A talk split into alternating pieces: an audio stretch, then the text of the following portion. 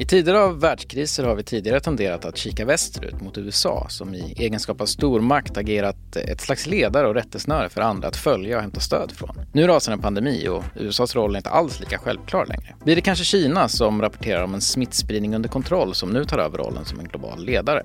Du lyssnar på Expressen förklarar. Jag heter Joakim Rydström och idag pratar jag med Expressens utrikeskrönikör Mats Larsson om den ganska stora och komplicerade frågan vad som egentligen händer nu på ett världspolitiskt plan. Under natten stod det klart att USA stärker sina restriktioner om att amerikaner ska hålla avstånd från varandra även under april. Detta efter en tid av otydliga besked från president Donald Trump som inledningsvis tonade ner riskerna med coronaviruset och som nu håller dagliga presskonferenser där han inte sällan kommer i märkliga ordgräl med journalister. Jag frågar Mats ifall Trumps på många håll kritiserade hantering av coronakrisen stärkt eller försvagat honom i opinionssiffrorna.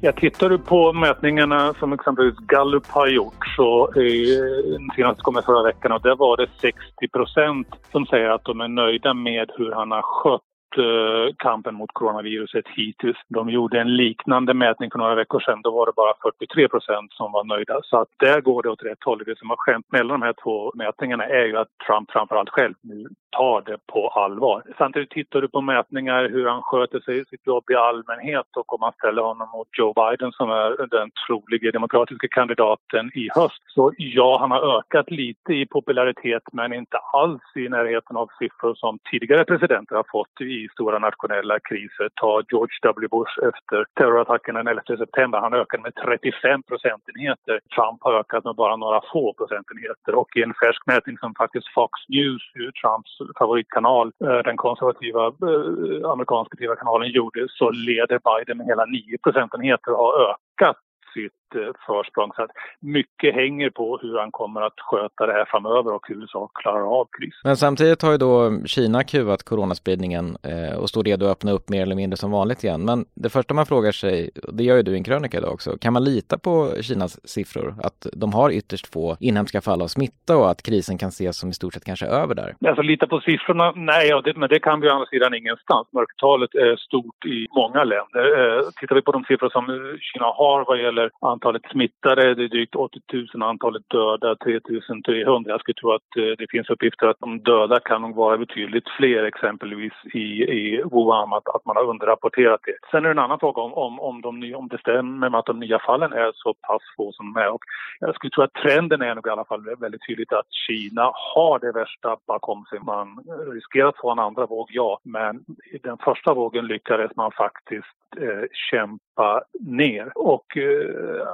jag tror att man kan lita på det hyfsat. Man ser nu hur, hur eh, Kina börjar öppna upp igen produktionen, fabrikerna startar, restriktionerna är borta i städer som, som Shanghai. Och det skulle man knappast våga göra om man i själva verket kände till att det är ett stort antal nya fall per dag. Det man säger att man får in nya fall, men det är ju framförallt personer som nu kommer tillbaka till Kina, framförallt kineser eftersom Kina nu har stängt ner gränserna fullständigt för utlänningar med undantag av, av diplomater. Europa är i kris, USA är i kris. Eh, Kina får ett tydligt slagläge nu istället. Har de inlett en offensiv redan och hur ser den offensiven ut? Ja, det har man. Eh, jag menar dels i inhemsk kinesisk statskontrollerad media så, så hyllar man ju väldeliga president Xi Jinping förstås, eh, det kinesiska systemet som man menar är en modell för andra.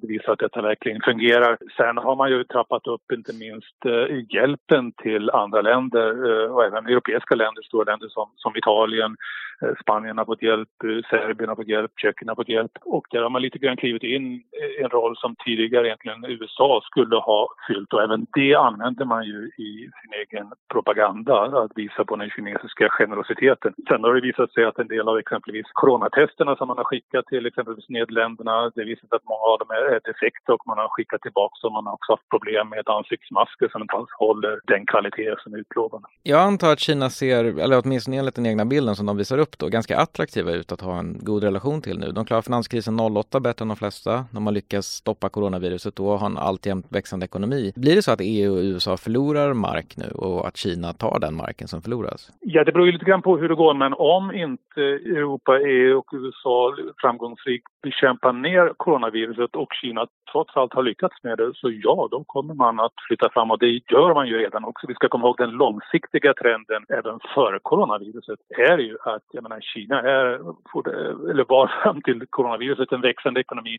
Under de första två, tre månaderna så har man ju nu backat för första gången sedan kulturrevolutionen. Men Kina kommer som tränas ut att gå om USA och bli världens största ekonomi. Tidigare var det om, om ett par decennier. Det kan, ju, det kan ju gå fortare nu, inte minst om USA går in i en långvarig kris och inte lyckas bekämpa coronaviruset framgångsrikt. Det är inte bara så att Kina från ingenstans nu kommer att ta ett kliv. De har ju ganska länge skickat stöd till andra länder, involverat sig i stora infrastrukturprojekt eh, som de har liksom lagt stora summor pengar på. Kommer vi att se det här i efterhand som att coronakrisen blir den sista pushen som tar Kina över kanten och blir den globala ledaren? Det kan bli den eh, vändpunkten eh, om USA kraftigt misslyckas och Kina skulle lyckas. Precis som du säger, du har den nya sidenvägen med miljarder som pumpas in och offensiv mot en rad länder och de är ju även på plats i Europa. Man, man planerar exempelvis byggen av, av snabbjärnväg i länder som Serbien eh, och då Serbiens eh, president Alexander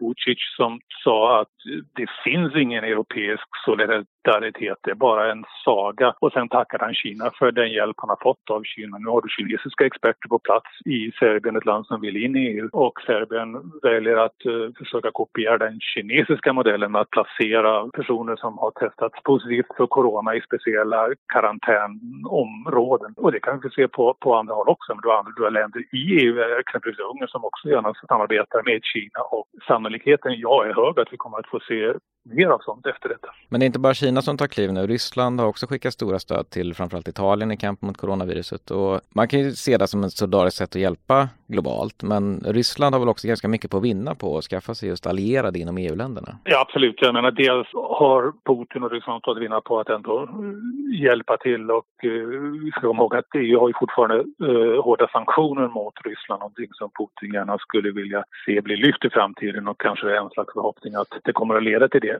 Men uh, sen ligger det också lite grann i Putins intresse att, att så split inom EU. Det har han varit duktig på för Ryssland och Italien har traditionellt rätt nära förbindelsen så man kan också se det ett led i, i den kampen. Men, men framförallt är det ett sätt också för Ryssland att det är en PR-framgång att, att se eh, rysk, eh, ryssarna, Moskva, skicka hjälp medan Italien haft problem att få hjälp från ett grannland som Tyskland som först införde exportförbud på viktig materiel. Nu har Tyskland ändrat sig och ju till exempel tagit in patienter från Italien. Men även USA är ju tämligen frånvarande och väldigt upptaget med sina egna problem. Hur ser den eventuellt nya världen ut då? Om man säger att det finns ett kraftigt försvagat USA och ett EU som inte klarar av att hålla ja, enad front och kanske splittras inifrån. Alltså, hur ser Kina och kanske även Ryssland ut som globala ledare tror du? På kort sikt efter detta så tror jag nog att vi får se, jag menar du ser ju EU, EU agerar under, under den akuta krisen att, och Botic har lite rätt där, den europeiska solidariteten finns inte riktigt där. Det blir lite grann rädda sig den som kan. Och att jag tror också vi får se mer